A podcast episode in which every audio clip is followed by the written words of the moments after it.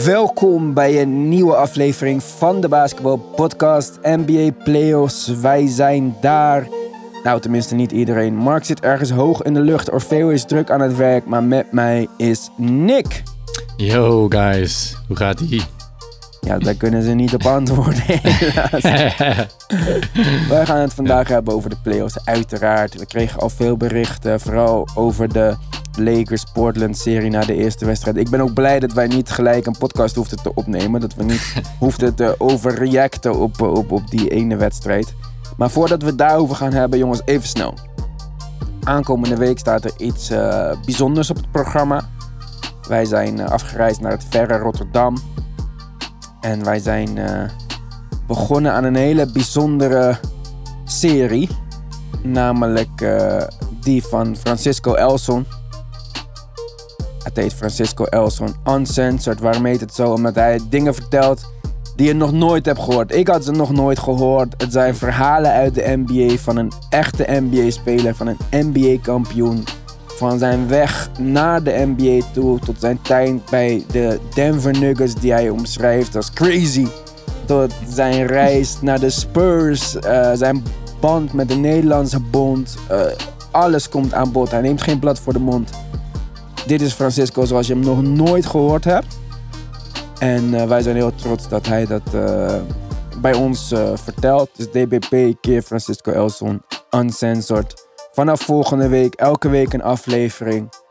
Ja, jongens, ik kan je echt zeggen, ik ben nog nooit zo enthousiast geweest over. Ja, Ja. Nick, je was erbij. ik was erbij. Dit is, ja, nee, ik kijk veel over Amerikaanse spelers en zo, maar dit was echt gewoon raw en uncut. gewoon eerlijk. Ja, echt gewoon echt nice. Ja, jongens. Staat jullie wat te wachten? Ja, en het is ook gewoon nog relevante eh, informatie met, met de actualiteit. Ik bedoel, Carmelo Anthony gisteren een fantastische wedstrijd gespeeld. Er zitten wat anekdotes in over Carmelo Anthony. Die ik niet eens weet of je die wel kan uitzenden eh, zonder gevolgen. Maar we gaan het gewoon doen. Dus vanaf volgende week Francisco Elson, uncensored. En eh, ja, dat wordt echt een, een, een hele mooie serie. Maar goed, nu gaan we het gewoon hebben over, eh, over de actualiteit. Gaan gewoon even kort alle, of kort, ja, wij, wij houden het nooit kort, dus ik weet niet wie ik voor de gek hou door dit te zeggen. Maar we gaan gewoon even de, de, ja, de playoff-series tot nu toe langs. En kijk, we hoeven natuurlijk niet overal eh, eeuwig bij stil te staan. Maar we beginnen gewoon bij de serie waar iedereen het over heeft. En dat zijn de Lakers tegen de Trailblazers. Ja, Nick, we hadden het er al in de auto over op, op, op dinsdag. Dat ik zei van ja, kijk, het is leuk dat Portland wint, die wedstrijd. Maar de Lakers zijn 16% van 3. En je wint niet met 20 punten verschil. Dus op het moment dat zij ook maar 20% van 3 zijn. En nog steeds super slecht schieten. Hebben ze die wedstrijd al gewonnen. En ja, kijk, die wedstrijd van gisteravond. Ik vond dit echt een leuke wedstrijd. Ik heb hem echt met plezier gekeken. Het was eigenlijk close door de hele wedstrijd. En dat vind ik ook het leukst om te zien. In het derde kwart kregen we nog een flashback van Carmelo Anthony. eh, Hall of Fame mode, eh, midrange game, wat mijn eh, voorkeur heeft. Maar kijk, je ziet toch dat in dit geval, ik, ik vond, ja, LeBron was sterk, maar AD dat was dan niet weer, niet weer zo sterk. Terwijl hij de vorige wedstrijd weer de heavy lifting op het scoringgedeelte deed. En als je dan nu kijkt, kijk, Portland moet Whiteside en Nurkic starten om dit te matchen met de minuten van Javel en eh, Anthony Davis en LeBron, wat gewoon een fucking grote eh, frontcourt is. Hm. Maar dan zie je offensively, ja, drama. Ja. ja. Ook in de rebound. hè. Ze worden zwaar out rebound. Ze moeten Ja, Ze dat moeten was al helemaal hun- belachelijk trouwens. Ja, dat is gewoon. Maar ze hebben gewoon die extra energie niet over om, om voor de rebound te gaan. Ze moeten gewoon eh, ja, alles op alles zetten om gewoon bij te benen. En ja, de Lakers die roteren en die roteren, maar dat kunnen de Blazers gewoon niet doen. Dus ja, op het einde van de wedstrijd eh, ja, werd dat ook wel duidelijk, vind ik. En, Ja. eh, En ik vond gewoon het, in, het, in het vierde kwart zag je dat Nurkic duidelijk gewoon te moe was. ja, Maar ja, als je alle minuten samenspeelt van Whiteside en Nurkic, dan kan je ze niet afwisselen. Ja, ik, ik weet niet. Ik snap het concept wel dat hij dit deed.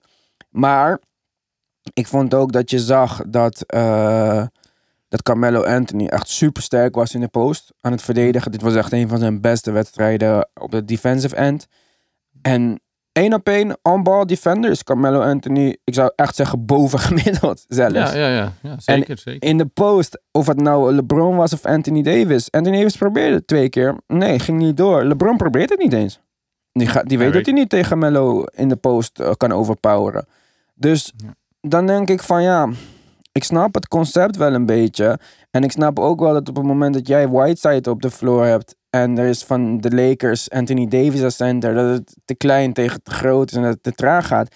Maar dit was hem ook niet. Carmelo moet echt meer op de vier spelen. Ik zou echt met uh, misschien... Ik zou misschien gewoon met Gary Trent Jr. en McCollum en Lillard starten. Want Gary Trent kan LeBron gewoon prima verdedigen zolang hij aan de bal is. Dat zag je trouwens ook in die tweede wedstrijd. Als LeBron de bal opbracht en Gary Trent mhm. verdedigde hem, dan was het steals of uh, broken plays. Ja, deze wedstrijd ook charge uitgelokt. En hij, hij was gewoon bij hem. Hij liep naast hem. Hij, hij geeft LeBron geen enkele ruimte. En dat, dat mag je niet doen. Ja, maar ik zag wel, bijvoorbeeld in die tweede wedstrijd dan, uh, was er echt op een gegeven moment dus twee aanvallen achter elkaar. Dat, want Gary Trent kan echt goed voor de bal blijven. Maar dan dacht LeBron gewoon, ja, fuck deze shit. Ik ga de bal niet meer opdribbelen. En ik ga gewoon rennen naar de post toe. En dan overpower die Gary Trent. En dan was, het duurde twee aanvallen voordat Terry Stotts een aanpassing maakte. En zei, oh oh, Carmelo terug. En Carmelo in de post tegen LeBron. En het is wel, kijk, elke keer als je er twee aanvallen over doet om een aanpassing te maken. Dan loop je eigenlijk constant achter de feiten aan. En als die twee aanvallen elke keer vier punten opleveren ja, dan in een close wedstrijd is dat te veel, zeg maar. Terwijl Carmelo, eh, hij probeerde het in deze wedstrijd om Carmelo's minuten aan LeBron uh, te koppelen. Maar Melo had ook wel twee domme fouten, waardoor hij wat in foul trouble was en dat misschien niet mogelijk was. Maar ja, ik zou volgende wedstrijd, uh, het kijk, staat 2-1. Het is nu, je moet het echt gelijk trekken, denk ik. Dus het is je home game zogenaamd. Ja. Dus uh, ik zou echt uh, Carmelo gewoon starten op de vier volgende keer.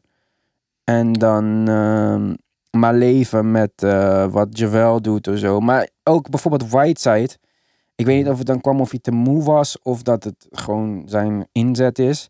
Maar hij boxt niet out.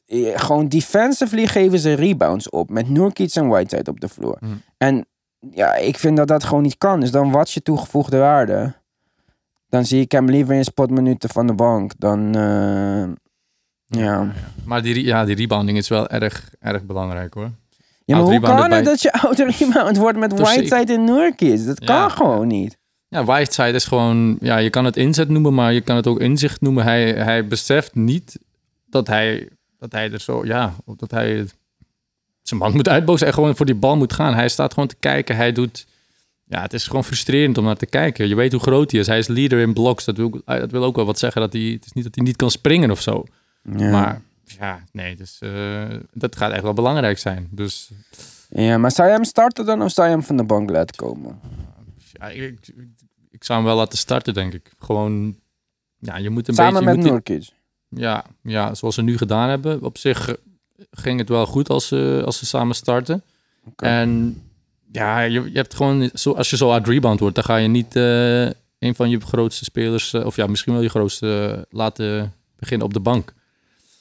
Ik, ik maar Mello is ook goed rebounding.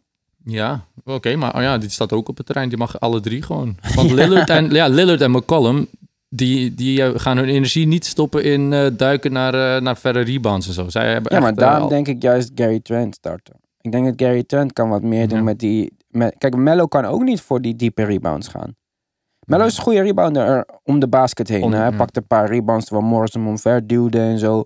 Maar hij heeft gewoon niet die energie. Net zoals dat hij ook niet bij um, vrije worpen aan de aanvallende kant staat hij ook niet te rebounden. Hij moet gewoon terug. Hij moet ergens energie sparen. Helemaal als hij nog de primary LeBron-verdediger uh, is. Ja, ja. Maar dus ja, ik weet niet. Ik zou echt. Uh, ik vind dat Gary Trent een positieve indruk maakt. Ik vond die Anthony Simons minuten heel frustrerend. Hij maakte een paar keer een goede play.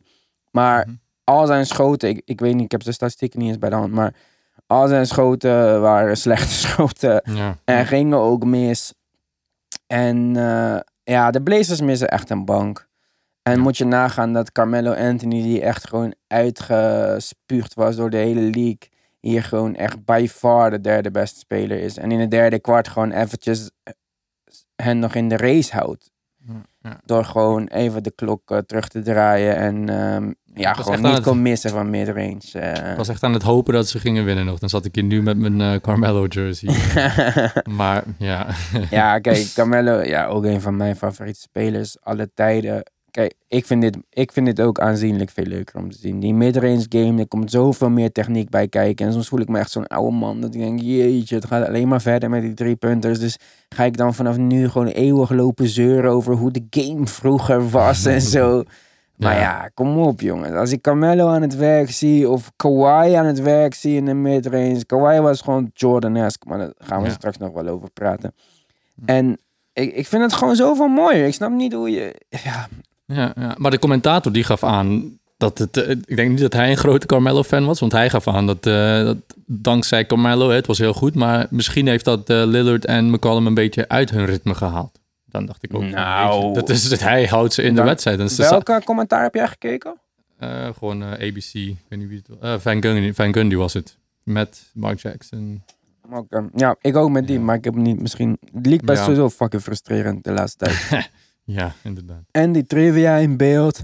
En eh, gezeur, soms laat het niet. En deze keer, ik keek het dus vanmorgen pas, hadden ze die reclames er niet uitgeknipt. Ja, Moet ja, ik vooruitspoelen? Ga ik soms te ver? En dan ga ik wachten. Duurt het me te lang. En dan mis ik. Ja, kom op man.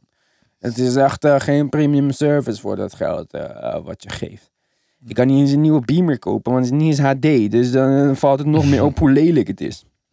Maar goed, dat is genoeg gezeur. Gelukkig, eh, ik ben al lang blij als ik Doris Burg niet hoor. Dan, eh Ja, ik, ik vind ze best nog meevallen, eerlijk gezegd. Doris Burg? Ik, ik heb nog niks, ge- ik ga het zo zeggen, ik heb nog niks gehoord wa- waardoor ik dacht, nee, die, die wil ik niet meer aanhoren. Nee, ik Waarom- kan, haar, ik kan haar niet vijf Nee? seconden handelen. Gewoon Nee. vijf seconden, ze triggert alles. Gewoon mijn haren van mijn rug gaan overeind staan. Ik kan die chick niet, niet handelen. Ik zoek gelijk een andere feed. Of het ook een lokale Midwest feed Spaanse. is, dat interesseert mij niet. Ja, Spaans zou ik nog liever kijken dan Doris Burg. Als ik haar stem hoor, ik word helemaal gek. En gewoon die constante, waar ik niet tegen kan, is dat super geamerikaniseerde, zo inleven met de emoties. En dat is zo, Ja. rot op man, er is niks aan de hand. Het is een fucking spelletje in een bubbel, er is geen eens fucking publiek. En jij gaat zo helemaal je stem verlagen en zo. Eh, wat is dit, hè? Je voice acteur of zo. Ga fucking Shrek spelen of zo. Doe iets met je leven, joh. Niet fucking commentaar bij basketbal, joh. En ik, ja, ugh, ik kan er echt niet uitstaan. Ik zoek, als ik haar zie, gelijk andere feed. Dus er is een optie. ja. Eh, eh, eh. Maar goed, nee. ja, Lakers Blazers serie. Kijk jongens, ik, d- Carmelo begon ook slecht aan de wedstrijd. Hij miste de eerste helft al zijn schoten en dan was hij even supergoed in het derde kwart. Ik denk niet dat we op dit moment veel meer kunnen verwachten van hem. Hij is een beetje on en off. En hij is echt een speler die altijd de bal nodig heeft gehad om in, eh, om in ritme te komen. Maar als je kijkt wat hij defensively brengt en de schoten die hij wel raakt. Deze keer kreeg hij geen open schoten, omdat de Lakers gewoon anders verdedigden en McCoy- of, eh, Dame die plays niet kon maken. Hm. Maar kijk, laat, als we gewoon even kijken. Carmelo verdient 1 miljoen. Tobias Harris krijgt 33 miljoen. Wie heb je liever? Ja, ja. Melo is gewoon beter. Melo kan op dit moment, 35 jaar, beter verdedigen, beter eh, catch and shoot en beter creëren. Ja, er is niks dat Harris beter kan dan Mello. Niks. Ja. Hij is niet eens beter actiever. Carmelo is een betere verdediger. Ja, hij is een beetje langer, maar Ja. daar heb je niks aan. Want hij kan niet verdedigen. En niet in de post. En niet eh, op de perimeter. Hm. En dan denk ik van, kijk, wij hebben het daar, eh, hadden we het daar dinsdag in de auto op. En soms is het jammer dat we niet gewoon eventjes met ons telefoon kunnen opnemen. Maar LeBron James had Melo kunnen hebben. Jij vertelde mij dit. Jij zei Jared Dudley, vertel. Ja, nee, inderdaad. In plaats van, eh in plaats van Mello te kiezen bij de Lakers, hebben ze nu eh, Jared Dudley op de bank zitten. Terwijl Mello, die, ja, die was perfect beschikbaar. Dus Melo had de Ja. minuten gestolen van Kuzma en van eh, Morris.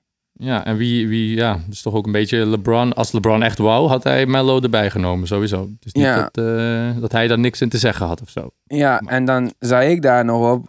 Ik denk dat ze met één pick, als ze dat al hadden hoeven geven, Chris Paul hadden kunnen hebben. Want Chris Hm. Paul's eh, contract werd gewoon gezien als toxic. En veel te veel aan het begin van dit seizoen, voordat hij een mooi, mooie eh, regular season doormaakte. Hm. Dus, en dat had ook LeBron kunnen weten. Maar dat zijn zijn twee beste vrienden. Ja, ja. Dus dat zijn leuke extra side stories die in deze Ja. series nog... eh, Stel je voor dat ze die trade hadden gemaakt. En zij hadden contracten, ze konden iets geven.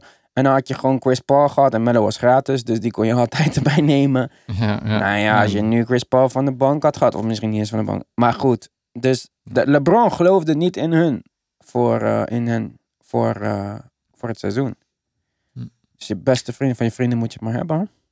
Maar volgende wedstrijd, ik denk eerlijk gezegd dat ik vind dat de Lakers niet eens goed spelen, maar Rondo komt ook misschien weer terug. Die had backspasms op het laatste minuut. Moment Ja. deze keer, die was wel active. Ja, jongens, ik, ik snap dat iedereen wil dat, dat Lillard eh, gaat winnen en zo, maar ik zie die mogelijkheid gewoon niet. Als, als je ziet dat zij het gewoon niet redden met iedereen beschikbaar en met dingen die ze proberen, coach probeert dingen. Mello Ja. speelt beter dan dat ik had als Mello-fan had kunnen verwachten aan de defensive end.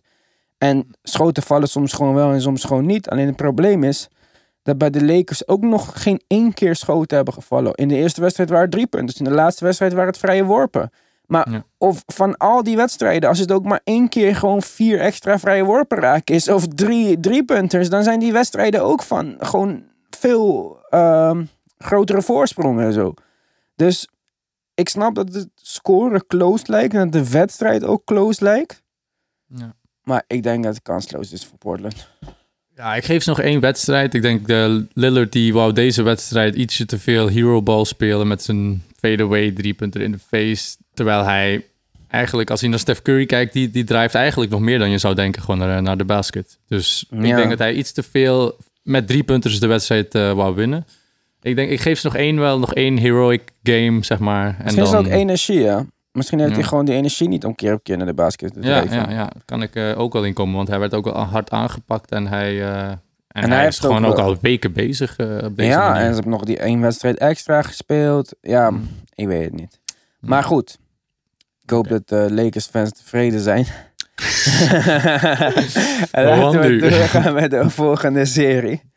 Houston OKC. Ik zeg je eerlijk, ik heb die wedstrijd van gisteren niet gezien. Dus eh, ik had gewoon geen tijd, jongens. Ik, ik, eh, ik heb Miami Indiana gekeken. Ik moest naar huis rijden. Ik was al half drie thuis, weet ik veel. En toen heb ik vanmorgen Lakers Portland helemaal gezien. Dus Nick, vertel mij, je hebt hem wel gezien. Wat is er deze keer anders gegaan dat eh OKC hem gepakt heeft? Ja, nou, ze hebben er wel echt tot het uiterste voor moeten gaan. Want ik heb, ik ga eerlijk zijn, ik ben toen de overtime was, ben ik in slaap gevallen.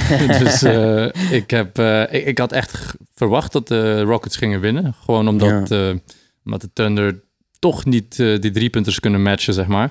Ja. Eh, in de verlengingen heeft Chris Paul wel eh drie punten raak geschoten. Hij kan dat soms. Eh, ook Shea heeft eigenlijk de wedstrijd eh, naar de verlenging gehaald. Want ik was de hele wedstrijd aan het de- een beetje teleurgesteld in Shea van is een driepuntschot.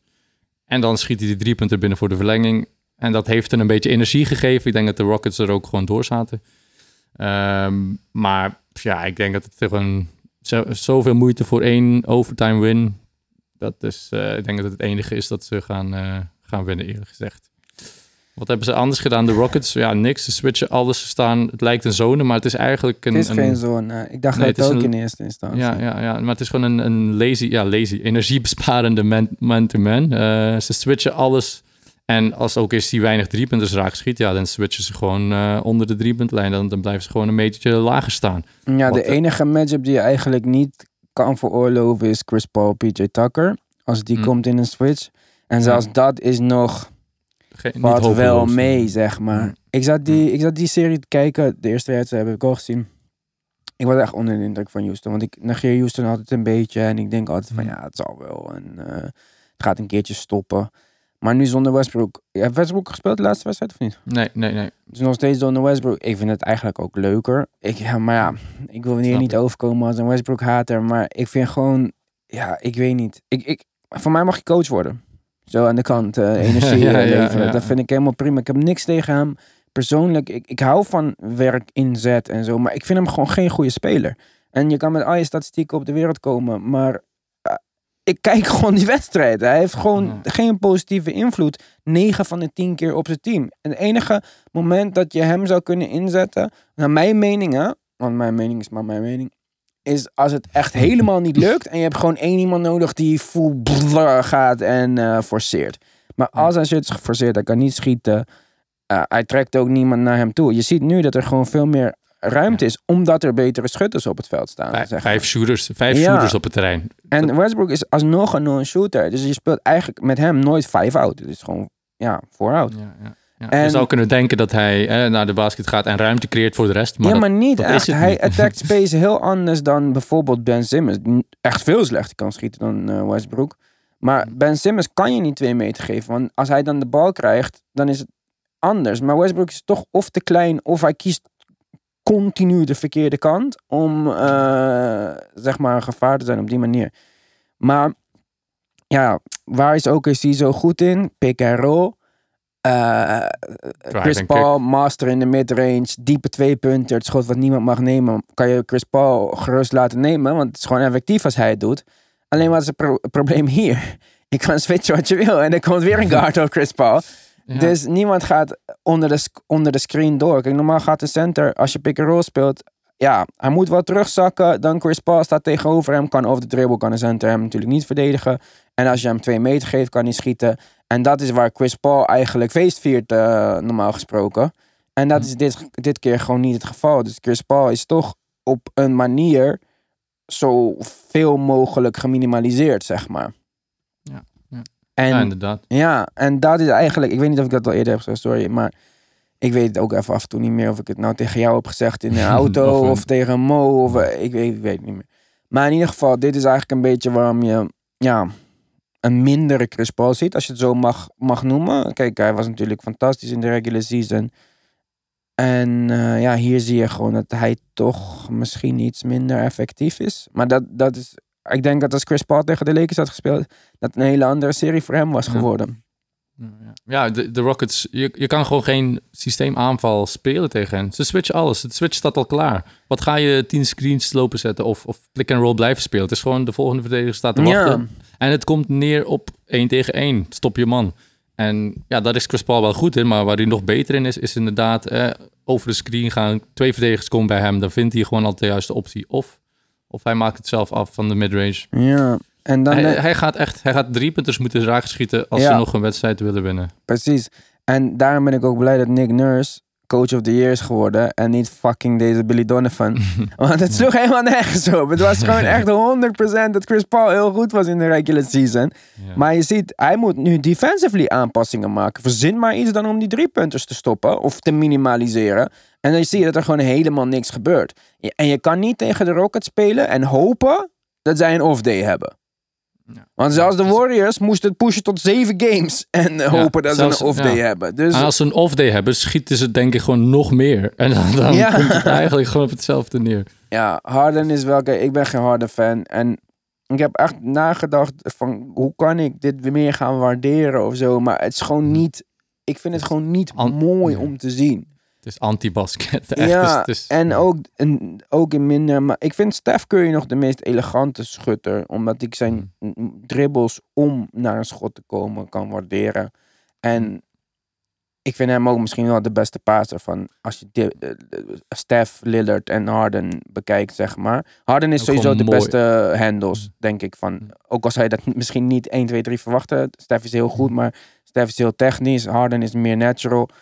Maar Hij is zo, zijn armen zijn zo lang en hij is perfect tweehandig. Eh, ja, ik weet niet. Hij, ik denk dat ze echt wel eh, op, op passing en dribble, eh, dribble skills eh, op Gelijk hetzelfde zijn? niveau zit.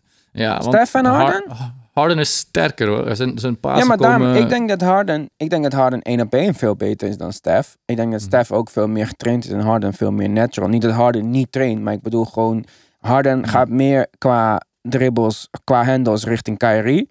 En Steph gaat gewoon meer richting functioneel. Ook al is het Ja, soms heel ja. mooi, maar het is gewoon super hard getraind. En hij, hij heeft echt wel getraind op die handles. Als je kijkt naar, naar Seth Curry, kan net zo goed schieten en net zo goed verdedigen. Want Steph is wel een andere te verdedigen. ja, ja. Maar hij heeft gewoon die handles niet. En hij is nog kleiner dan zijn broertje. Ja, zijn broer.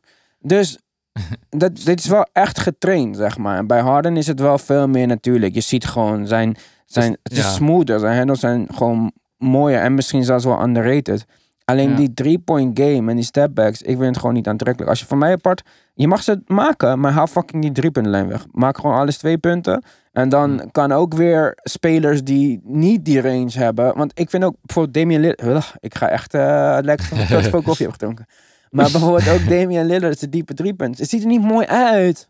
Ik vind het geen mooi schot. Ik vind het geen mooie beweging. En ik hou van die, die schoonheid in het, in het, in het spel. Ja, ja.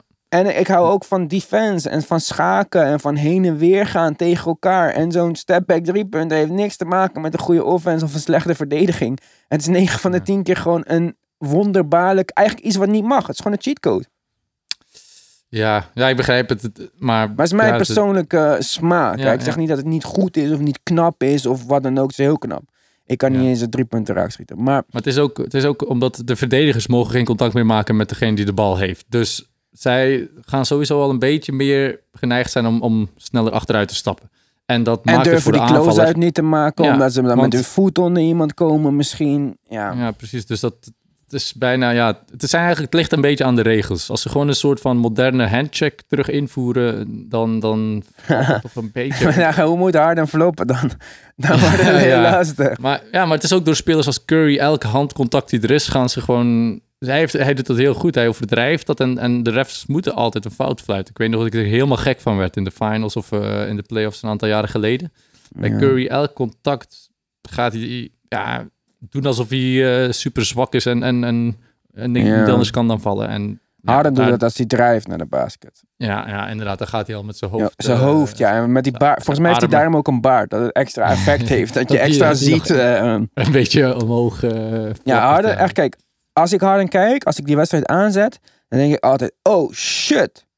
Hmm. Deze guy is echt tering hard.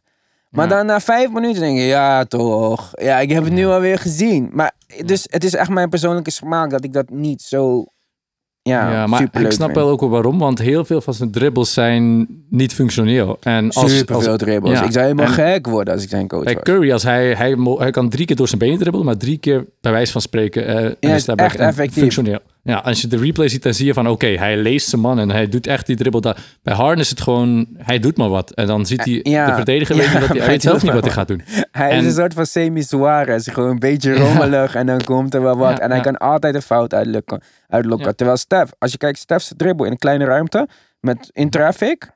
Bro, Ja, ik heb dit nog nooit. Dit is echt, die handles zijn super tijd. Tijder dan Allen Iverson handles, zeg maar. ja, ja, ja. Dus dat vind ik wel indrukwekkend. Maar goed, om terug te komen op deze serie. Ik heb die wedstrijd niet gezien, dus ik weet niet of er iets spectaculairs is gebeurd. Wat, wat ik dus nog niet weet. Maar anders zou ik zeggen dat de Rockets deze gaan pakken en met 4-1. Dat lijkt me ook, dat denk ik ook. eh, maar ja. ja Maar goed, wat ik zei, ik heb het niet gezien. Denver, Utah. Volgende. Ja, dit Hm. eh, kan ik eerlijk zeggen, want jullie hebben misschien de vorige podcast geluisterd. Had ik niet verwacht. Ik dacht dat Denver veel beter zou zijn. Eh Jokic low on energy defensively. Gobert eh, krijgt opeens aanvallende bal. Ja. Precies wat ik niet had verteld. niet had verwacht. En eh, ja, vet goede wedstrijd van Mike Conley. Ja, dat, dat gaat hij niet nog een keer doen. Dus eh, leuk voor alle Utah-fans, maar dat kan je vergeten.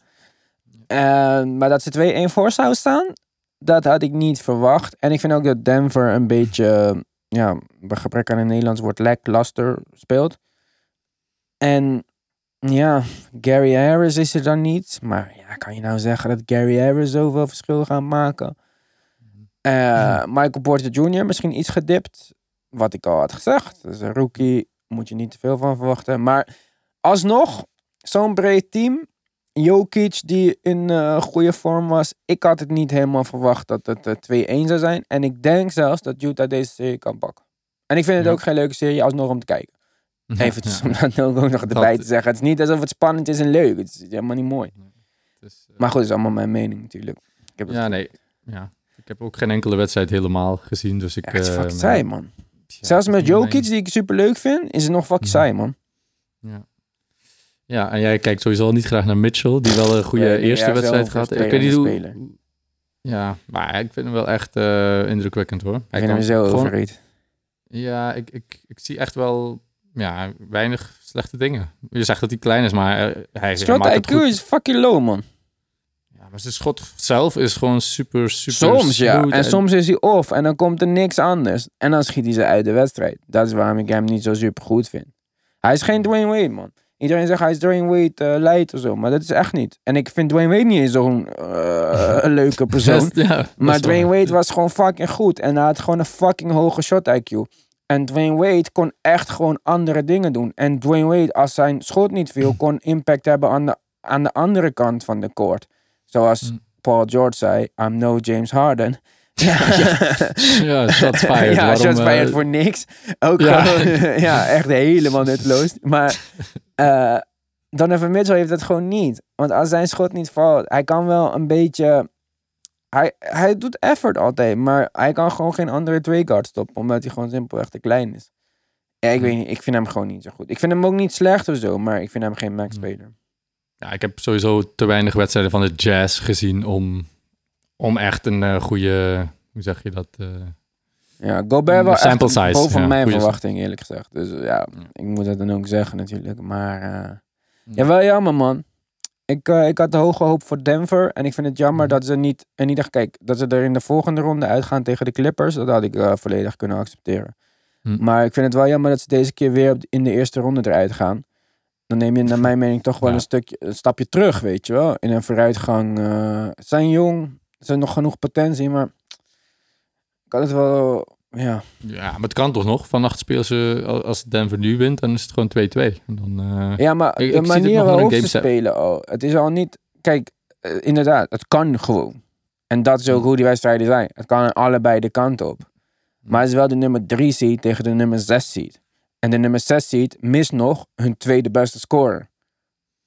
Ja. Dus dat is gewoon niet goed. Het kan, kijk, het had 2-1 mogen staan voor Denver. Maar het kan niet 1-2 staan voor Utah. Ja, ik denk dat Denver er alsnog gaat uitkomen, maar... Ja, denk je? Ik, denk het wel. Ik denk dat ze wel... Ik vind aan de hand van die Hm. wedstrijden, die low energy en wat ze brengen ook. Het lijkt gewoon alsof Utah het liever wil. Ja, Jokic heeft ze van die wedstrijden dat hij... Hij lijkt altijd eh, low energy, maar hij, soms speelt hij wel gewoon... Ja, ik denk dat hij er nog wel doorkomt. Ik weet niet... Misschien eh, mist hij ook iets die hoogte van Denver. Ja, ja, maar ik vind dat hij er wel goed uit, fitter uitziet dan ooit tevoren, zeg maar. Ja, maar we hadden ook... Kijk, we kunnen een tipje van de sluier oplichten eh, van eh, Francisco. Ja. Dat hij gewoon zei ja, dat het wij altijd op die hoogte waren. Als we dan naar lagere eh, ploeg gaan. We hadden gewoon betere conditie. We rennen iedereen eruit. En Jokic, die misschien niet in topvorm lijkt, toch door die hoogte compensatie om het wel te redden. En nu toch meer gelijk is aan andere mensen. Iedereen heeft gelijke conditie in de gelijke omstandigheden. Dat hij dat net tekort komt. Ik weet niet, man. Ik, ik, eh, ik kan ook niet zeggen dat Denver iets per se puur fout doet. Behalve dat Jamal Murray de slechtste speler in de NBA is. Maar, ja, maar kom op, bro. Zeg eerlijk, Jamal Murray. Hij kan toch niet je tweede speler op een team zijn? Wie de fuck heeft dit bedacht?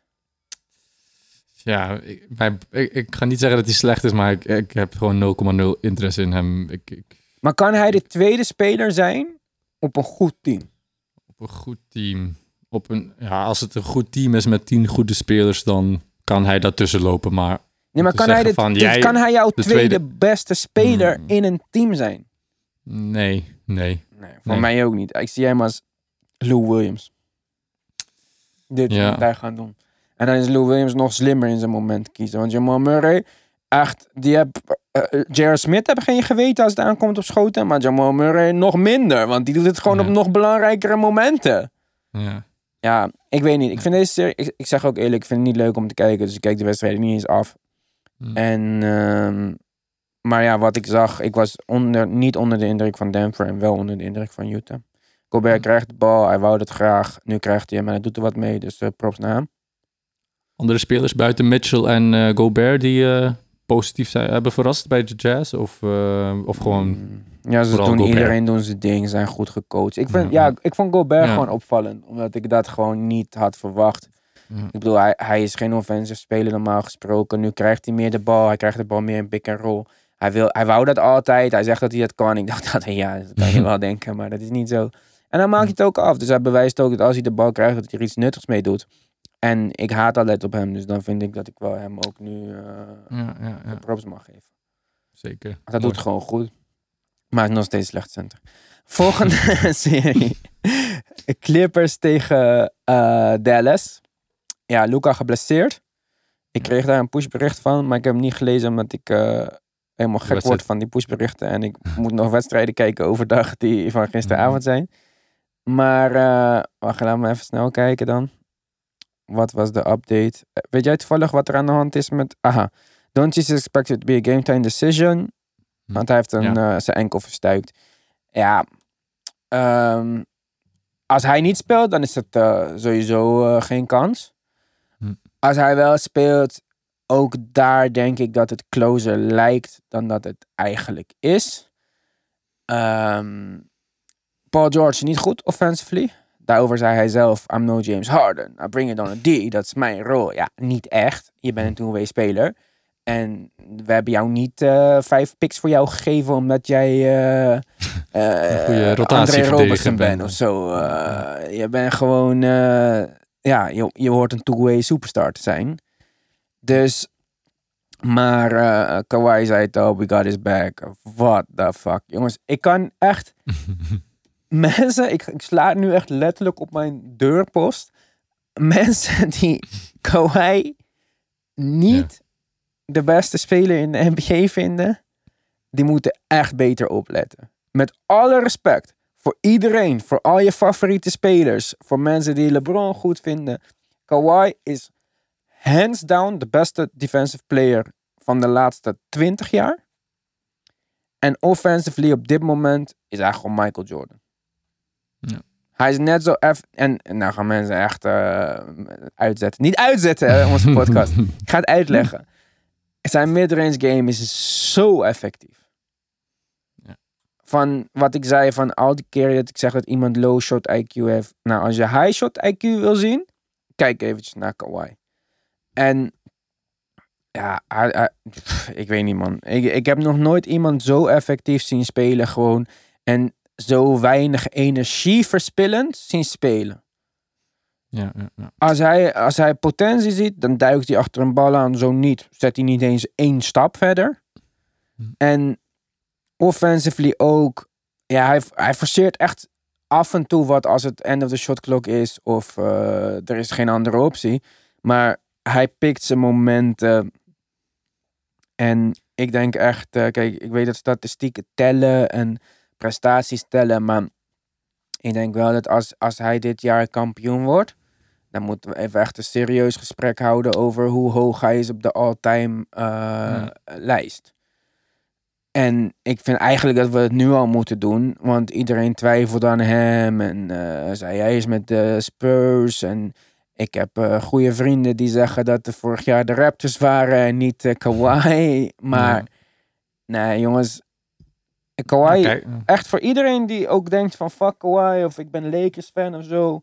Zet je trots aan de kant, net zoals ik dat doe als ik uh, naar Gobert moet kijken. En kijk even naar hoe mooi deze man speelt. Nick, zeg wat. Ja, eerste twee wedstrijden ook. Ik dacht, oh, Kawhi zat niet goed. Of ja, was niet uh, op zijn niveau, zeg maar. En had hij nog steeds uh, twee keer ja, 29 punten, 30 punten of zo. Hij, hij scoort zo, ja, soms onopvallend, soms echt heel opvallend, zeg maar. Dat uh, hij zegt, oké, okay, geef mij de bal, ik ga nu scoren. Ja. Niemand kan er wat aan doen. Ja. hij gaat sterk naar de ring. Hij lokt heel goed fouten uit. Soms vind ik het, ja... Irritant. Die ene ja, een beetje irritant. Zou ik het bij andere spelers misschien meer irritant maar vinden. Maar van een superster krijgt hij nog de minste superster calls. Ja, ja, ja. Misschien, uh, wie was het die aan het klagen was dat hij meer superster... Ah, Jason Tatum was dat. Ja, maar ja, what the fuck. die was aan het klagen. Ja, daar zullen we het later over hebben. Ja. Maar ja, inderdaad, Kawhi, als hij naar de, naar de rim gaat... Hij, hij kan gewoon met links en rechts afwerken. Zo'n lange armen. Hij zo gaat, sterk. Ja, zo sterk. Vastberaden gewoon naar de goal. Dat is ook belangrijk. Niet twijfelen. En hij kan gewoon zoveel contact incasseren, bijna op de grond vallen en toch nog... Ik weet niet hoe hij het doet, want hij shot echt niet met een arc. Gewoon zo plat als het maar kan. Ja, lelijk schot en, eigenlijk. Ja, eigenlijk inderdaad. Zijn schotbeweging was mooier vroeger, zeg maar. Want Ja, in ja. principe is zijn, zijn eh, follow-through is wel mooi en zo. Zijn, zijn beweging is wel mooi. Maar het is heel plat. Dus Ja. daarom is het soms belangrijk dat hij energie heeft om te springen. En dan zie je dat als een schot een paar keer de ring raakt, dat hij gewoon moe is. Maar Ja. Ik denk dat veel mensen zich eh, laten, dat ze hem een beetje ja, niet zo leuk vinden, omdat ze hem... Het show-element cool boeit hem niet. Ja, precies. ja. Dat boeit hem niet. Deze serie boeit hem niet.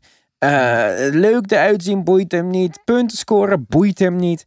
Het enige wat hem interesseert is echt winnen. Dus geen... winnen, ja, inderdaad. En- En, als hij denkt van, ja, sorry, maar, sorry team, maar ik, ik heb beste kans op scoren, dan gaat hij gewoon drie aanvallen op rij proberen scoren. En dat, eh, ja. Ja, dat, dat- ja, het is kut Dat dat, is er niet iemand anders bij is. Al was Mo hierbij of zo, dat hij eventjes ook een beetje tegengas kon geven. Wij zijn natuurlijk Kawhi-fans. dus excuses aan alle niet-Kawhi-fans. Maar gewoon, kijk, ja, ik, ik vind het prachtig wat hij doet verdedigen. En ik vind zijn midrange game echt mooi. Maar dat is mijn voorkeur. Maar zelfs als dat allemaal niet jouw voorkeuren zijn. Als je gewoon kijkt naar hoe effectief hij speelt. Ja, ja ik weet niet man. Ik, ik, ik zou niet weten hoe je een hekel kan Kawhi. en hij, hij lijkt ook een paar kilootjes lichter, denk ik, dan vorig jaar of zo. Ik weet niet waarom. ja, maar hij is niet geblesseerd. Hij kan trainen. Moet je Ja, nagaan dat als jouw quad geblesseerd is Ja. en je moet Vandaar- presteren in de wedstrijd, dat je dan nog denkt in de vrije tijd, nou, laat me eventjes eh, extra home, gym. trainertje, home trainertje pakken of zo. Ja, nee, je moet zoveel mogelijk doen om rust te krijgen. Hij is gewoon fit. Ja, misschien eh, heeft hij ook een eh, verborgen injury, net als elke speler tegenwoordig na een serie zegt. Maar Ja. jongens. Gewoon, kijk, ga gewoon die wedstrijd ja. kijken. Ik Het is denk sowieso een mooie matchup. Want het is de Luca en Porzingis. En misschien moeten we ook nog wat over Dallas zeggen. Jongens, Dallas eh, heeft eh, rimprotectors nodig. Iemand moet verdedigen daar zo bij de rim. Dit, eh, het gaat niet werken gewoon. Porzingis kan dit gewoon niet. En als Porzingis, ik heb het al eerder gezegd, Porzingis naar de perimeter, dat is Bambi op stelte. Dat wil je echt eh, voorkomen. Hm. Ja, Ja, Dallas is gewoon offense, offense, offensively Super niet te offense. stoppen. Ik heb Kawhi op Luca gezien en dan dacht ik ook van, ja, hij, Kawhi kan hem niet stilleggen gewoon. Want nee, Luka maar wel gebeurt- te veel afremmen. maar afremmen, ja, ja, ja dat wel. Luca, beetje. ja, ja, Maar. Luca is Maar- fucking 20, hè. Dus ik, dat eh, is ik kan ook- niks negatiefs zeggen over Luca, over de toekomst van Dallas. Ah, ze- En ze hebben ook Powell niet, ze hebben Carly Stein niet. Hm. Seth Curry Ja. is echt underrated, fucking goede speler. Ja, ja. Kijk, Ja, Tim. Hardaway is gewoon o- overpowered, eh, overmatched in deze, in deze serie. Hm. En, eh, maar dit is nog met een PG die alles mist. Dus. En met Lou en Montrez die nog niet fully back zijn. Jongens, ja, Reggie Jackson ook fucking slecht. Ik was blij dat die, die eh, verandering voor Shamet kwam. Ik had, ja, ik had Reggie Jackson in de regular season wat hoger zitten. Ik dacht, ik had geen mening over hem, want hij bij de Pistons speelde en ik kijk de Pistons niet. Hm. En toen kwam hij, toen dacht ik, oh shit, Reggie Jackson kan iets. Mhm. Maar nu kan hij heel weinig. Dus eh, ik weet niet. Ja, Patrick niet, Beverly, eh, man. ja, hij is een 1 tegen 1 speler ook. En ik denk dat het een beetje de valkuil bij de Clippers is dat ze te veel 1 tegen 1 gaan willen spelen. Paul George wil... Ja. Ja. Kawhi, die, die speelt veel 1 tegen 1, maar hij is eigenlijk de enige die dat altijd heel effectief doet. Zeg Ja. maar. ja. Paul George, die wil ook in zijn ritme komen. Die gaat ook altijd moeilijke schoten nemen. Ja, daarom Morris- zo- ja. Ja, Morris denkt dat hij de beste speler met zijn rug naar de basket is in de NBA. Die zit altijd maar op de post en eh, midrange fadeaways te schieten. ja, dat zijn halve seizoen New York is niet goed voor zijn zelfvertrouwen. Daar mocht hij de man zijn en dat was Ja. echt niet de bedoeling. Maar ook eh, met Paul George, ik weet niet of dat de laatste wedstrijd was of die wedstrijd daarvoor, dat ze hem zochten in het begin van de wedstrijd om hem een beetje aan de gang te krijgen. Maar ja, ik denk hij moet eigenlijk doen wat hij zegt dat hij is. Dus ga maar gewoon verdedigen en pak je open shots. Net als Mello afgelopen wedstrijd. Hij forceert, Mello forceert het ook in de eerste helft met fadeaway jumpers en zo. Als het niet valt, valt het niet. Dus ga je ding doen aan de andere kant. En je opportunities komen wel. Eén open schot erin, naar de lijn, even een paar keer. En dan kom je meer in het ritme, zeg maar. Hm. Maar, en want, ja, we hebben het gezien. Paul George op het moment is gewoon onstopbaar. Ja, zoals eh, Mo eh, omschreef. Between, between, baseline, splash. Dat eh, kan je niet stoppen. 6'9, ja, guard. Ik weet niet eens hoe je het moet noemen. Ja. Maar ehm, ja, kijk, om- Luca ook nog geblesseerd. Zelfs als hij niet... ehm, Ja, dat zag er echt niet goed uit. Want ja, je weet, en je hij enkel, wou... bro. Eh, Vooral voor hem ook je enkel. Hij moet Ja. echt ook... eh, Luca drijft vaak naar de basket. Het is niet alleen maar stepbacks en zo. Als je enkel niet 100% is, als je geen vertrouwen in dat hebt... Ja, En een verdedigende team die dat weet, die dat ook een beetje gaan uitbuiten. Want kijk, Dirk Nowitzki, eh, om een voorbeeld van Dallas te geven, die had vroeger ook heel vaak dat het door zijn enkel ging. En, en, en terugkwam. gewoon terugkwam. Maar hij is gewoon, ja, Dirk, die die schiet gewoon over iedereen heen. Dus hij Ja. heeft niet echt die... Misschien heeft hij daarom die one-legged fadeaway ontworpen. Zodat hij die Ja, enkel ja, niet ja. hoeft te gebruiken. ja, maar daarom, ik denk dat het heel moeilijk is. Vooral voor een guard is een enkel blessure gewoon lastig.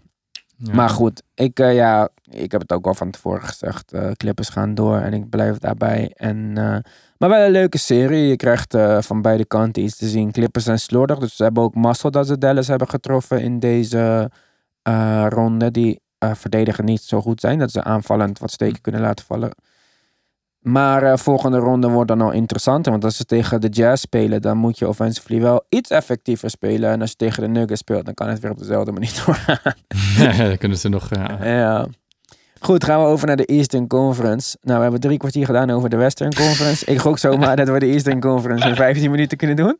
Oh, ik dacht dat we hem gewoon gingen skippen, maar oké, we zullen hem... Ja, oké. Even nou, we kunnen het gewoon heel snel doen ook. Want ehm, heel teleurstellend. Eh, dat Orlando de eerste wedstrijd won van Milwaukee. Dat is ongeveer het hoogtepunt uit de Eastern Conference Playoffs tot nu toe. Hm. Eh, Milwaukee, wel heel zwak. Ik denk echt dat... eh, ik denk echt dat ze iets moeten gaan doen om Giannis tevreden te houden. Als Giannis ook maar een beetje inzicht heeft en niet te dichter op zit en in love is met zijn teammates. Dan moet hij ook constateren dat dit gewoon niet werkt, man. Chris Milton is een max player die op dit moment gewoon lijkt... Wat, wat zijn averages deze serie? Drie punten of zo? Ja, dat kan gewoon echt niet, man. Mm. En Bledsoe is nogal minder slecht dan ik had verwacht. Ehm nee, man. Ze, ze missen gewoon te veel. Jannes heeft echt een ander, een, een beter team om zich heen nodig. Ja. Of, hij, misschien mijn eerste kritiek alle tijden op Boedenholzer. Een coach die... Boedenholzer is fucking creatief. En fucking goede coach. Maar is iets te langzaam met aanpassingen op het moment soms. En misschien is dat ook een goede eigenschap. Dat je niet overhaast beslissingen neemt. Maar we hebben wel een wat meer reactie nodig dan eh, wat er nu gebeurt allemaal. ja, ja. Ja, hij blijft toch een big guy. Ik, ik, ik vind dat hij echt een point guard nodig heeft die echt gewoon heel goed pick-and-rolls kan spelen en lezen. Ja, ja, maar ja, ik zie hem toch niet echt heel veel in die... Ja, ik heb de laatste wedstrijd ook niet gezien, dus ik heb echt eh, de, de... Ja, maar Wedstrijd tegen Orlando. ze moesten Brogdon niet laten gaan, man. Dit was een van de belangrijkste mensen, ook in dat team toen hij, ook al was hij geblesseerd heel vaak en zo, elke keer als hij speelde, was er gewoon veel meer dreiging. Hij heeft een betere driepunter. En Ja. Chris Milton is dit geld gewoon niet waard. En ik zeg niet dat hij slecht is of zo, maar op dit moment, wie heb je liever, Brogdon of eh, Middleton? Ja, Brogdon had er gisteren 34 punten. Ja. 14, rebound, eh, 14 assists. Ik bedoel... Ja goed, dus laten we deze keer ook skippen, want fucking hell, Ja. Dat je zelfs één wedstrijd nog kan winnen van de nummer één team eh, zonder Gordon, zonder Isaac. Fucking belachelijk, maar deze serie is helemaal niet leuk. Dus hoef je niet te kijken ook, behalve El Greco. Shout-out Griekenland. Maar volgende serie Pacers Heat. TJ Warren leek eventjes een max contract speler, is eh, back to earth eh, gekomen. Eh, Miami is echt eh, interessant team, man. Veel potentie. Het is jammer dat Jimmy Butler zo oud is. Eh, zo oud. Het is jammer, jammer dat Jimmy Butler mijn leeftijd heeft. Maar anders had ik ze wel echt willen zien groeien samen de komende jaren. Tyler Hero, Duncan Robinson. Ja, ze schieten gewoon fucking veel driepunters. Plus dat ze inside sterk zijn met Crowder, Butler en Bam. Elke keer als ik ze zie, denk ik, oh, dit lijkt me zo kut om tegen hun te spelen. Mhm. En eh, ik weet niet wat Duncan Robinson de laatste wedstrijd was, dat die wedstrijd daarvoor, dat die echt gehoord was. 15 punten in de laatste wedstrijd. Dus ik denk de wedstrijd ervoor dat hij nog... Ja, ik weet niet, maar hij schiet gewoon goed. En Tyler Hero met vlagen goed. Kendrick Nunn is nog op de bank. Uh, hij, had- hij heeft corona gehad, zegt dat hij daar echt last van heeft gehad. En ik denk ook dat Dragic nu zo goed speelt, dat ik, ja, Ja. Niet. ja, maar er zijn we denk ik wel, volgens mij heeft Spoelstra ook gezegd dat er nog series kunnen gaan komen waarin ze hem nodig hebben. En als we even een stapje vooruit denken, bijvoorbeeld naar de volgende ronde, je speelt tegen Milwaukee Bucks. Als eh, Milwaukee Bucks is een legendarisch niet goede ehm, eh, second unit, misschien. En als je dan kijkt dat Kendrick Nunn misschien een rol van de bank kan krijgen en eh, een beetje meer zijn ding mag doen. Kendrick Nunn krijgt gewoon eh, Rookie of the Year votes van heel veel mensen. Ja, volgens mij was, wordt hij, als je Zion nou een beetje negeert, kan hij zomaar eh, tweede zijn in eh, Rookie of the Year. Ja. Dus Ook dingen, ook uh, Iguodala die speelt veel minuten. Hij vult letterlijk geen statsheets op, maar hij, dat is best hij goed. Gewoon, beter dan ik had verwacht. Ik dacht dat hij, staat, op was. Nee, nee, maar bij de, bij de Warriors ook. Hij, staat, hij speelt veel minuten, maar hij, het laat niet dingen die niet uh, zichtbaar zijn op de statsheets. Maar hij, ja, hij is gewoon goed om op het, op het trein te hebben. Hij kan, hij kan een wedstrijd beslissen met één juiste pas. En verder niks gedaan hebben en toch veel gespeeld hebben. Dus ja, en Heat is echt een heel gevaarlijk team. Ja, en Igodala dan voor die extra balhandling. En voor defensive dingen. Dat is echt een nightmare matchup, man. Want wat ik al net zei, baddelen, bam, alles switchen, iedereen sterk. Uh, ja, mm En Iguodala ook in die mold, zeg maar. Alleen dan misschien nog uh, de beste playmaker van al die uh, spelers. Of in ieder geval de highest IQ, basketball IQ speler daar. Maar ja, Miami heel goed. Ik ben benieuwd volgende ronde Milwaukee. Ik weet niet meer wat mijn voorspelling was, maar ik, als ik het nu zo bekijk, dan denk ik dat Miami een hele, hele, hele goede kans maakt tegen Milwaukee. Ik denk het ook, eerlijk gezegd. Dark horse om, uh, om uit het oosten te gaan komen. Ja. Maar, ja laten, als ze tegen de Milwaukee Heat kunnen winnen, dan uh, weet ik niet wie... Uh, Milwaukee Bucks, Ja, samen zou het wel een superleuk team zijn als we Janis op Miami mochten. Oeh, wat zou Janis bij Miami bijzonder zijn. Oh. Ja, ik denk echt dat uh, Bucks uh, fans rekening ermee moeten houden dat dit niet uh, veel langer ja. erop blijft gaan. Genoeg. Ja. Gaan we naar de andere helft van de bracket. Boston, Philadelphia. En voor iedereen die altijd dacht dat ik overdreef over Ben Simmons. Nou, alsjeblieft. Een team zonder Ben Simmons. Brad Brown doet zijn uiterste best. Horford erin, eruit. Um, en Beat doet zijn best. Maar ik heb het, uh, ja, ik weet niet hoe vaak ik het al heb gezegd. En ik heb het deze week heel vaak gezegd, maar ook over Mike. Um, en Beat gaat niet werken, man. Als je nummer 1 speler op een team. Hij wil of kan niet de hele wedstrijd, de wedstrijd à la Shaq spelen. Dus in de post, iedereen overdonderen, outpoweren. Hij wil het gewoon niet. Hij kan het niet, hij wil het niet. Ik weet het niet. Hij kan geen pick-and-roll spelen. Hij is geen goede pick-and-roll speler. Ehm, hij wil schieten. Hij wil fadeaways doen. Ik denk dat het heel moeilijk is om een team om hem heen te bouwen. Je hebt het nu gezien. Ze hebben het geprobeerd met vier shooters. Met tieball op de vloer en zo. Hmm. Het, het werkt gewoon niet. Er is gewoon geen kans dat, dat dit gaat werken. En Brad Brown is ook goed als zeker uh, aan het einde van deze serie. Ik denk dat je niet daar moet stoppen. En ik heb het al duizend keer gezegd, Elton Brand moet weg. En ik denk dat we zelfs met een nieuw regime niet moeten wachten om een trade te maken. Ik denk mhm. dat je ehm, door zijn leeftijd en bid moet treden. Allebei de spelers, eh, de sterren van de Sixers, Ben Simmons en Embiid hebben een gebreken. Maar Embiid is gewoon ouder. Op het moment dat je een trade maakt, is er gewoon geen equal trade. Zowel voor Ben Simmons als voor Joel Embiid. Dus er zullen draftpicks bij betrokken zijn. Draftpicks terugkrijgen als je Ben Simmons treedt, heb je helemaal niks aan. Want we hebben geen draftpicks nodig. En Beat is, uh, weet ik veel, 26, 27. We hebben spelers nodig. Ben Simmons is jonger. Kan je misschien een wat mindere speler voor terugkrijgen en een draftpick. En uh, bouwen. Het, werkt niet. Het is gewoon overduidelijk dat dit niet werkt. Uh, het team zonder een van deze twee spelers werkt niet. Tatum speelt de serie van zijn leven. Nou, geloof mij, dat was anders geweest als je tegenover Ben Simmons moest spelen de hele tijd. En uh, het, ja, het is, uh, het is niet goed. Ik had het laatst in het chat met iemand erover. En beat naar Washington Wizards voor Bradley Beal. En ja. uh, John naar de Heat. Naar de Heat voor wat schutters. Ja, dus, maar dat, dat, dat is niet, dat is geen eerlijke value. Je kan niet een beat gaan traden voor, voor wie? Duncan Robinson. Ja, dat, is niet eerlijk. Maar Bradley Beal en Beat? Zelfde leeftijd? Ja, maar ja. Ja, maar waarom niet? Als je gaat John Wall kom je niet van af. dus, en dan, dan treedt maar Bradley Beal. Dan heb je John Wall met Rui Hachimura en Beat. En misschien als je Bertans kan zijn, dan heb je... Dan kan je mij niet vertellen dat je niet uh, in de Eastern Conference de playoffs kan halen. Als je de coach ontslaat tenminste, want die coach is ook slecht. Maar en bij Philadelphia, ja, moet gewoon een goede coach komen en die iets gaat verzinnen. Ja, maar ja, Dus, eh, Bradley Beal zou een goede speler zijn naast Ben Simmons. Hij kan wel zijn eigen schot creëren. En hij kan echt... Kijk, ze zoeken elke keer naar zo'n go-to scorer op belangrijke momenten. Nou ja, niemand beter ja. dan Bradley Beal in dat die soort van beschikbaar is. Zeg maar. zelfs pick and roll, Simmons, Brio, eh, Simmons en Oeh, Beal. dat zou leuk zijn, ja. ja, ja. Allebei, ze kunnen allebei... eh, En ook, ja, moet je...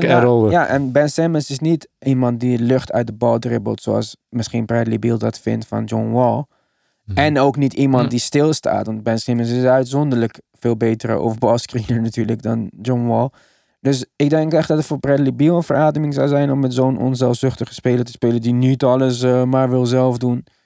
En niet dat John Wall zo slecht is, want ik vind John Wall niet slecht. Maar ik denk dat dit een mooie trade is en ik vind dat ze het moeten doen, want eh, het- gaat nergens heen. Maar ik ben bang dat ze Brett Brown gaan ontslaan, dat Elton Brand mag blijven. Ik weet niet hoe erg duidelijk er je nog kan aantonen Ja. dat je mislukt bent. En ook Embiid heeft ook net gezegd... I want to play with Ben Simmons for the rest of my career. Net nu zegt hij dat. Ja, maar ja, hij van- ziet het. Ja, maar ja. daarom zeg ik van, kijk, ik zeg het al de hele tijd. En je kan zeggen dat ik een fan ben van Ben Simmons. En het is ook zo. Maar mensen onderschatten hem echt zo erg. Het is echt absurd gewoon dat ik soms zit te kijken. En ook gewoon dat ik aan mensen moet uitleggen. En zelfs mensen die verstand hebben van basketbal. Waarom Ben Simmons zo goed is. En misschien valt het niet op als je ze niet regelmatig kijkt of zo. Maar deze man is abnormaal. In alles, behalve schieten, is hij niet goed, uitzonderlijk goed. Defense. Ja. Offbal is hij niet nutteloos, want hij is misschien de beste offball screener in de NBA met zijn lengte en de personen tegenover wie hij staat.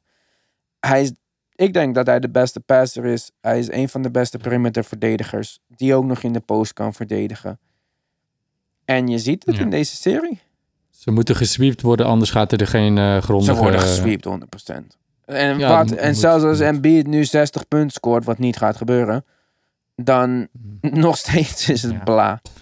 Ja. Echt. Maar, Ja, maar Brad Brown is sowieso leuk weg. Dit is 100% zeker. Maar het is de vraag, gaat fucking, eh, hoe heet die guy? Elton Brand weg? Hij moet weggaan. En ze moeten moet- gewoon Hij moet afscheid... maken, ja. En ze, ja, en ze moeten ook afscheid nemen van Tobias Harris. Zelfs met de los. Als je daarvoor een jonge speler kan terugkrijgen. Met een contract voor één jaar, groot contract of zo.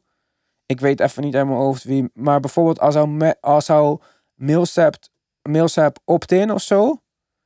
Dat je bijvoorbeeld een Millsap kan krijgen met een Montemoris of zo voor eh, Tobias Harris. Ja, sorry, dan moet je afscheid nemen van Tobias Harris. Tobias Harris Maar krijgt- Millsap en Horford zijn toch ja, bij- bijna... Nee, maar Horford moet sowieso weg. Ja, Oké, die, die telt zelfs niet meer mee. Ja, als je Embiid en Ben. Simmons houdt, dan moet, moet- moeten ze weg. Oh, oh, je spreekt over Simmons en Embiid. ja, want als, je, als je zegt dat... Kijk, het, als je hier komt hè, en de coach ontslagen... en je krijgt een nieuwe eh, ehm, ehm, general manager... zelfs als Elton Brand blijft... ga maar die fucking beslissing maken om Embiid of eh, Simmons te traden. Ja. Voor allebei kan het echt desastreus voor je carrière worden. Als jij degene bent die Embiid treedt en Embiid wint ergens een kampioenschap of Ben Simmons wordt de nieuwe Jannes ergens omdat iemand wel Hmm. zo slim is om een team om hem heen te bouwen. En dan volgend jaar wint je team alsnog niet. Dan ben je niet alleen ontslagen bij je team, maar dan krijg je nooit meer een baan. Dus doe dat maar. Ik denk dat dat heel moeilijk is. Maar dan moet je echt dan moet je afscheid nemen van Harris en eh Horford. Ik krijg hoofdpijn van die Sixers. Ja, eh, meer en meer. En Boston, Dus, eh, shout-out naar Jason Tatum, die ik niet genoeg liefde geef. Had, Taco niet- J. had dit niet gedaan in tegen Ben Blijkbaar zijn bijnaam. Taco J stond op zijn eigen schoenen. Echt? Niet Young King, ja, niet Young King, maar Taco J. Ja, Ja. ik weet niet. Eh, Ik vind hem ook een beetje overrated. En ik vind het echt jammer dat hij niet tegen Ben Simmons moest spelen deze serie. Want dan had je wel gezien dat het ietsje lastiger is. En in de volgende ronde komt hij tegen Siakam. En Anunobi. Dat wordt eventjes iets eh, andere koek eh, voor hem. Want over de laatste serie kunnen we alleen zeggen dat Nick Nurse, nee, Nick Nurse coach of the year is. Maar ook al hadden ze geen coach. Brooklyn speelt belachelijk. Caris LeVert heeft zijn waarde laten zien. Helaas voor hem denk ik dat dat zal resulteren in een trade. Maar hij heeft zijn trade value Ja, maximaal ja, gemaakt. Thanks. eh, Ja, ja, ook natuurlijk eh, misschien goed voor hem, ja, voor hem misschien beter, ja. ik denk ook dat hij weg moet willen. Want ik denk niet dat, dat er veel ballen overblijven voor hem met Kyrie en KD Precies. straks. Dus ik weet niet wie zij willen als derde ster. Ik weet niet. Ja, misschien moeten zij Middleton, tra- voor Middleton traden. Zou je Middleton traden voor LeVert? Hmm, En er moet er andere Wie- shit bij dan, hè? Maar als wie zijn de... Ja, ik zou het wel... zou je het als met Milwaukee doen? Voor LeVert, ja, ja, LeVert? eigenlijk echt Ja? wel. Echt wel, ja. ja. Ik ook misschien Zelfs- wel. Maar dan- up... eh, Hoe negatief zijn we dan over Middleton? Middleton is wel een betere verdediger. Ja, pff, fuck die Nets trouwens. Ik zie dit echt niet gebeuren. Of KD en Kyrie. Ik denk ook dat KD Kyrie zat gaat worden. Ik, ik weet niet ook waarom hij dit heeft besloten om met Ja, hem te gaan- spelen. Kan ze- hij niet vooruitdenken? Ja, ze gaan echt. Het gaat weer. eh, ja, het gaat niet goed aflopen, voel ik. Eh, ze gaan. eh, de media zal het, het zal, Ze zullen het misschien op de media steken of weet ik veel. Maar het komt gewoon altijd op hetzelfde neer bij KD. En het klikt nooit helemaal met zijn teammates of zo. Hij, wordt, hij begrijpt de dingen niet. altijd niet zo heel goed. Ja, ik weet het niet. Maar de hele Eastern Conference tot nu toe. Ik denk dat het bij één wedstrijd geworden blijft voor het tegenteam. En voor de rest gaan ze allemaal door. Boston, eh, Toronto zal een stuk interessanter zijn. Net zoals eh, Milwaukee, Miami. Maar eh, dan denk, en dan denk ik dat, Miami misschien een opzet, upset kan veroorzaken. Dus interessant. Playoffs tot nu toe. Vooral het westen dan. Vanavond. laat me het even bijpakken. Clippers vanavond. ja. Met game time decision Luca. Dus dat als Luca niet gaat spelen, dan zou ik die wedstrijd niet eens kijken. Ah, eerst Celtics Sixers. Oh, kut. Die moet ik doen. oh, jeetje. Ja. Nou goed, dan gaan we afscheid nemen van eh, de Sixers vanavond. Oh, moet ik dat live zien? Ah, dat is wel erg, man. Dan hopen dat Doncic speelt. Dan heb je een hele leuke wedstrijd om half tien s'avonds. Clippers Mavericks. En dan gaan we het einde van de Brooklyn Nets bekijken om half één s'nachts. En de leukste wedstrijd, of tenminste de meest competitieve wedstrijd van de avond, als Doncic niet speelt, is dan misschien Nuggets Jazz. Mhm. Maar ja, dat eh, drie uur s'nachts, dat zou voor mij een eh, espresso-wedstrijd worden morgenochtend. ja, ja. Goed jongens, deze week wordt mooi. We gaan het einde zien van de eerste ronde in eh, sommige gevallen.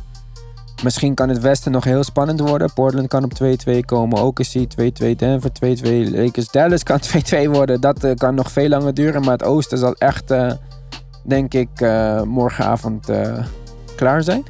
Of oh, ja, in, op Orlando na dan. En dan deze week, zoals ik al eerder zei, Francisco Elson Uncensored komt eraan.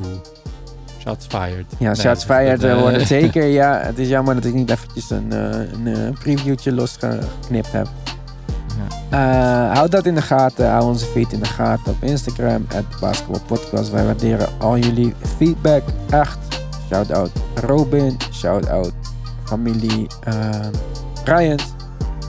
En alle andere mensen die ons appen en vragen om onze mening. Appen, hoe je dat? Niet. Goed. Het was weer een rommelig einde, maar ja, wat ben je van mij gewend. Tot de volgende keer. Bye guys, tot de volgende. Yo.